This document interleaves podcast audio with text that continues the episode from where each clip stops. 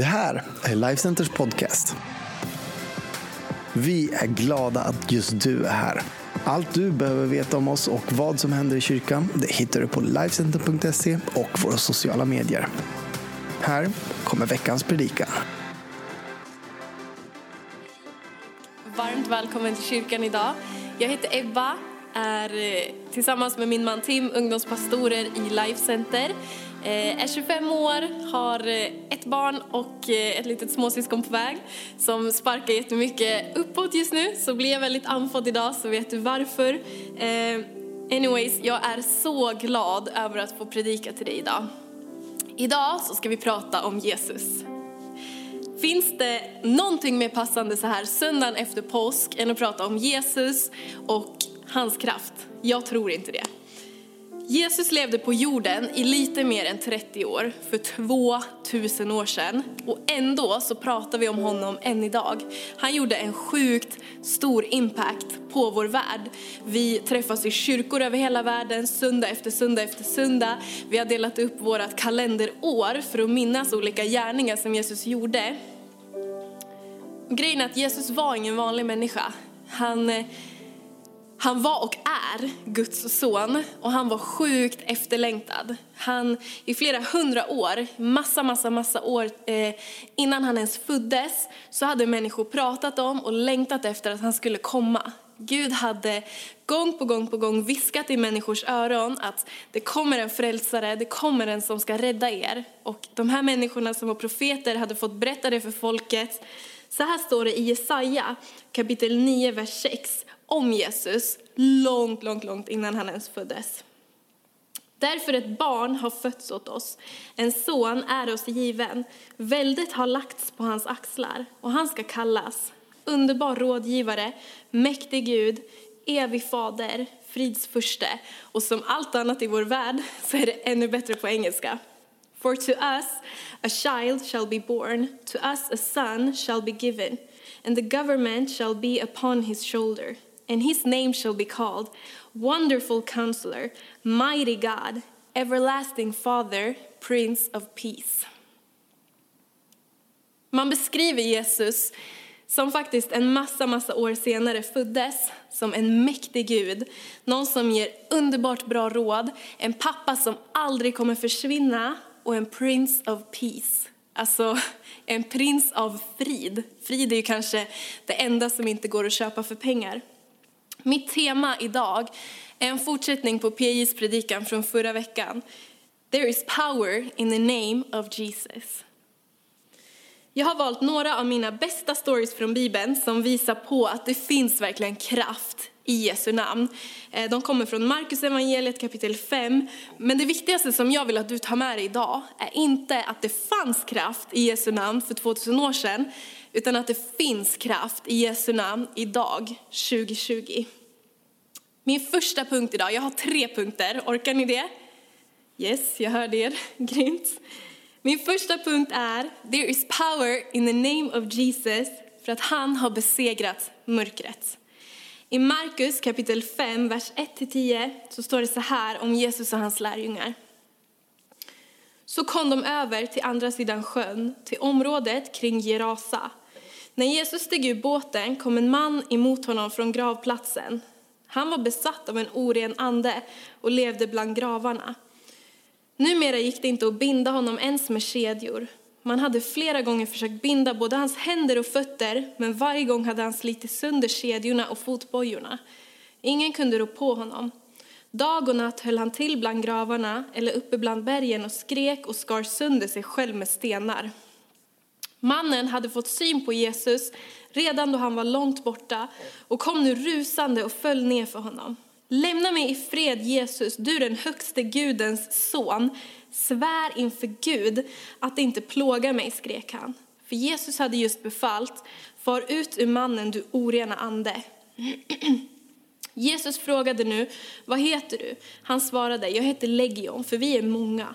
Och gång på gång bad han att Jesus inte skulle köra bort dem från området. Den här historien får ett lite märkligt slut när Jesus låter de här orena andarna flytta in i en flock med grisar som står en bit bort. 2000 grisar. Grisarna blir fullständigt galna, de springer och kastar sig i vattnet och dör. Och den här mannen som tidigare var en galning, han sitter helt plötsligt hel och ren och påklädd och samtalar med Jesus som en vanlig människa.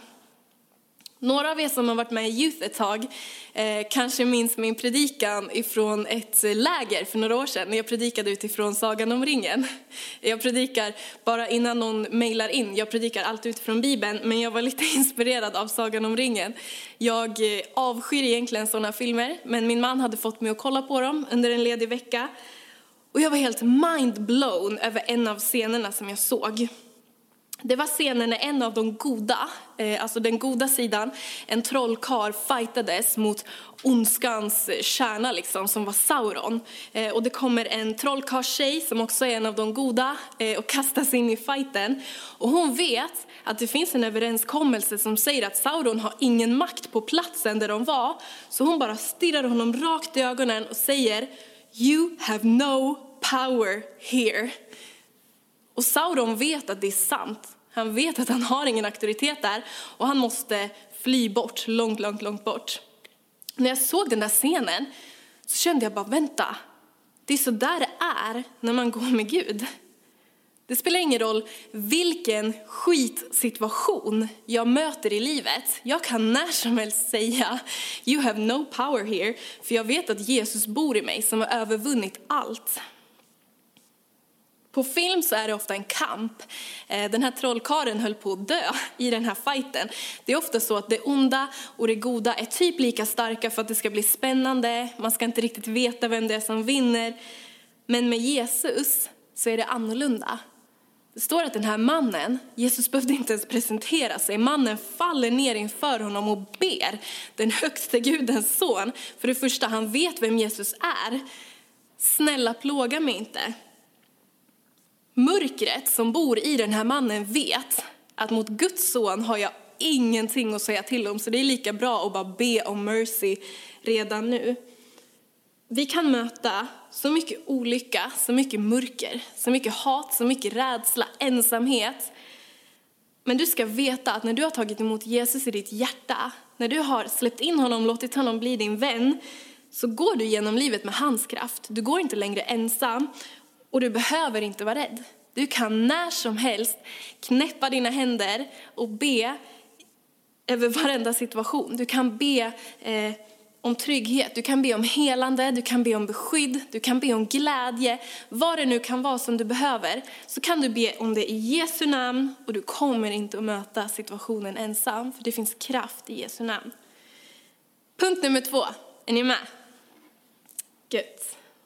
There is power in the name of Jesus och han utesluter ingen.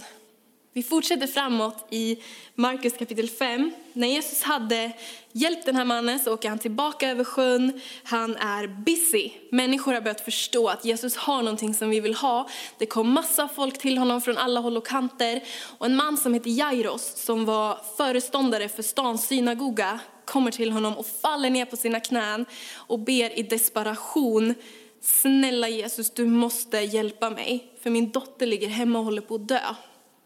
Och Jesus som aldrig ignorerar den som verkligen ber till honom på det sättet, han följer självklart med mannen, men massa grejer händer, folk sliter och rycker i honom, det händer ett mirakel på vägen som du kan läsa om i Markus 5. Tiden drar iväg och här hoppar vi in i texten i Markus 5 och 35. Och står det så här. Medan Jesus fortfarande talade kom det en budbärare från synagogsföreståndarens hus och meddelade Din dotter har dött. Det är ingen idé att du stör mästaren längre. Men Jesus brydde sig inte om deras ord utan sa till synagogsföreståndaren Var inte rädd, tro bara. Sen lät han Petrus, Jakob och Johannes, Jakobs bror, följa med. När de kom fram till synagogsföreståndarens hem såg Jesus en upprörd skara som grät och klagade högljutt.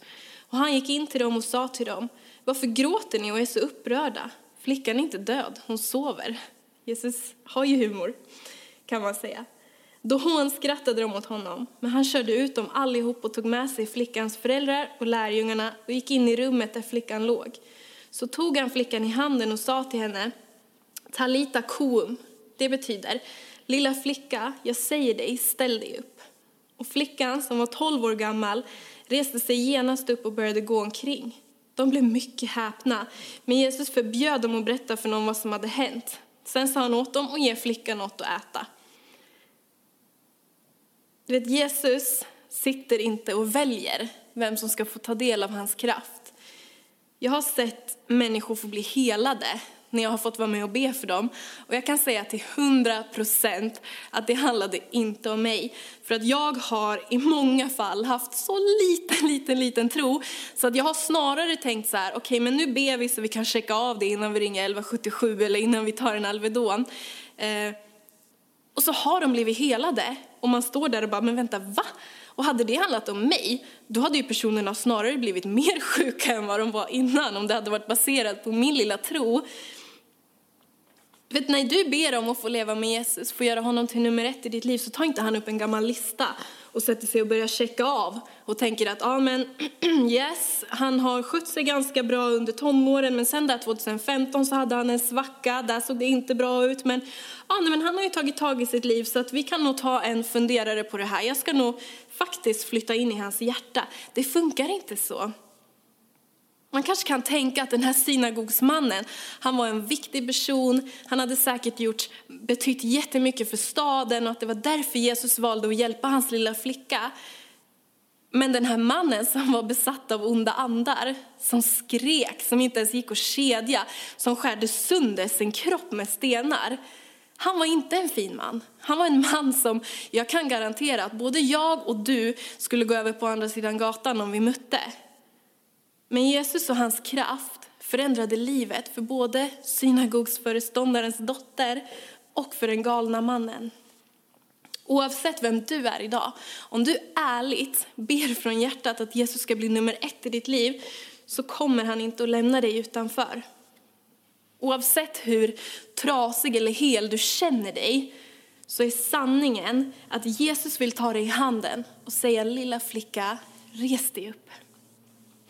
Oavsett om du är en tonåring som kanske känner dig ensammast i världen, så vill Jesus säga lilla flicka, lilla pojke, res dig upp.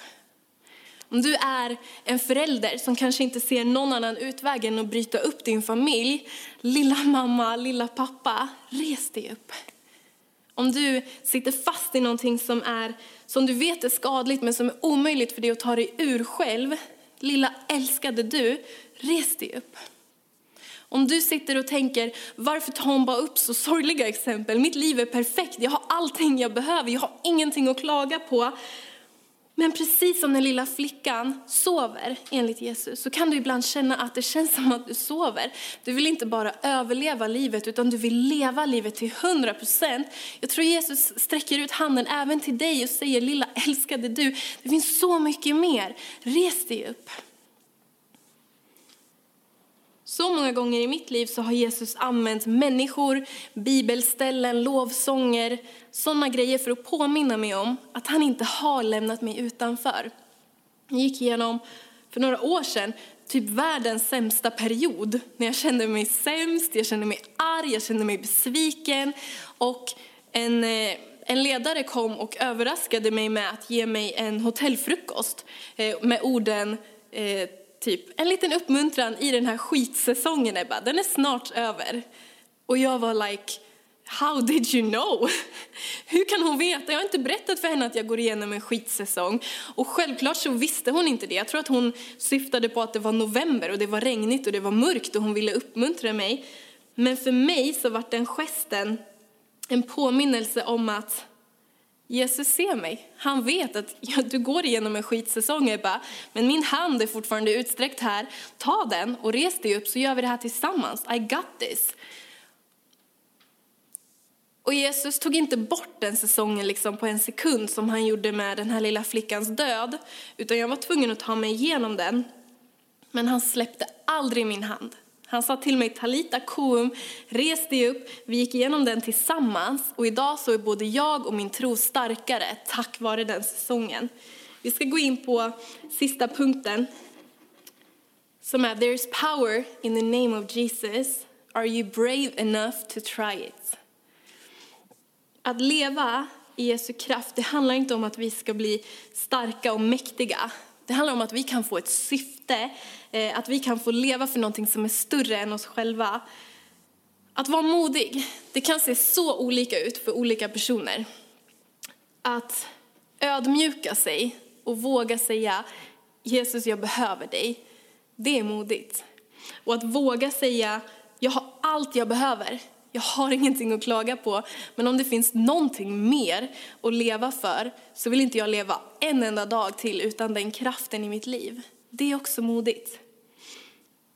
Att leva med Gud är ett äventyr. Du kan få bli använd av Gud till att vara den som får be för någon som får bli helad. Du kan få bli använd av Gud till att vara den som får tala ut ett ord som han har viskat in i ditt öra och som får förvandla en annan människas liv. Att leva i kraften som finns i Jesu namn, det handlar inte om att du ska vara duktig och säga kolla på mig Jesus, jag är inte död längre, jag har rest mig upp från sängen, talita kum right? Nu kan din kraft komma över mig. Det är inte så det funkar, det var inte så vi läste i Bibeln. Allting började med att pappan föll ner framför Jesus och sa Jesus jag behöver dig. Då kom kraften. Om du tittar på det här och inte känner Jesus så börja din resa med att du välkomnar honom in i ditt hjärta. Om du tittar på det här och känner Jesus men vill ha, leva ännu mer i hans kraft så ska vi be om att du får lära känna den helige ande mer.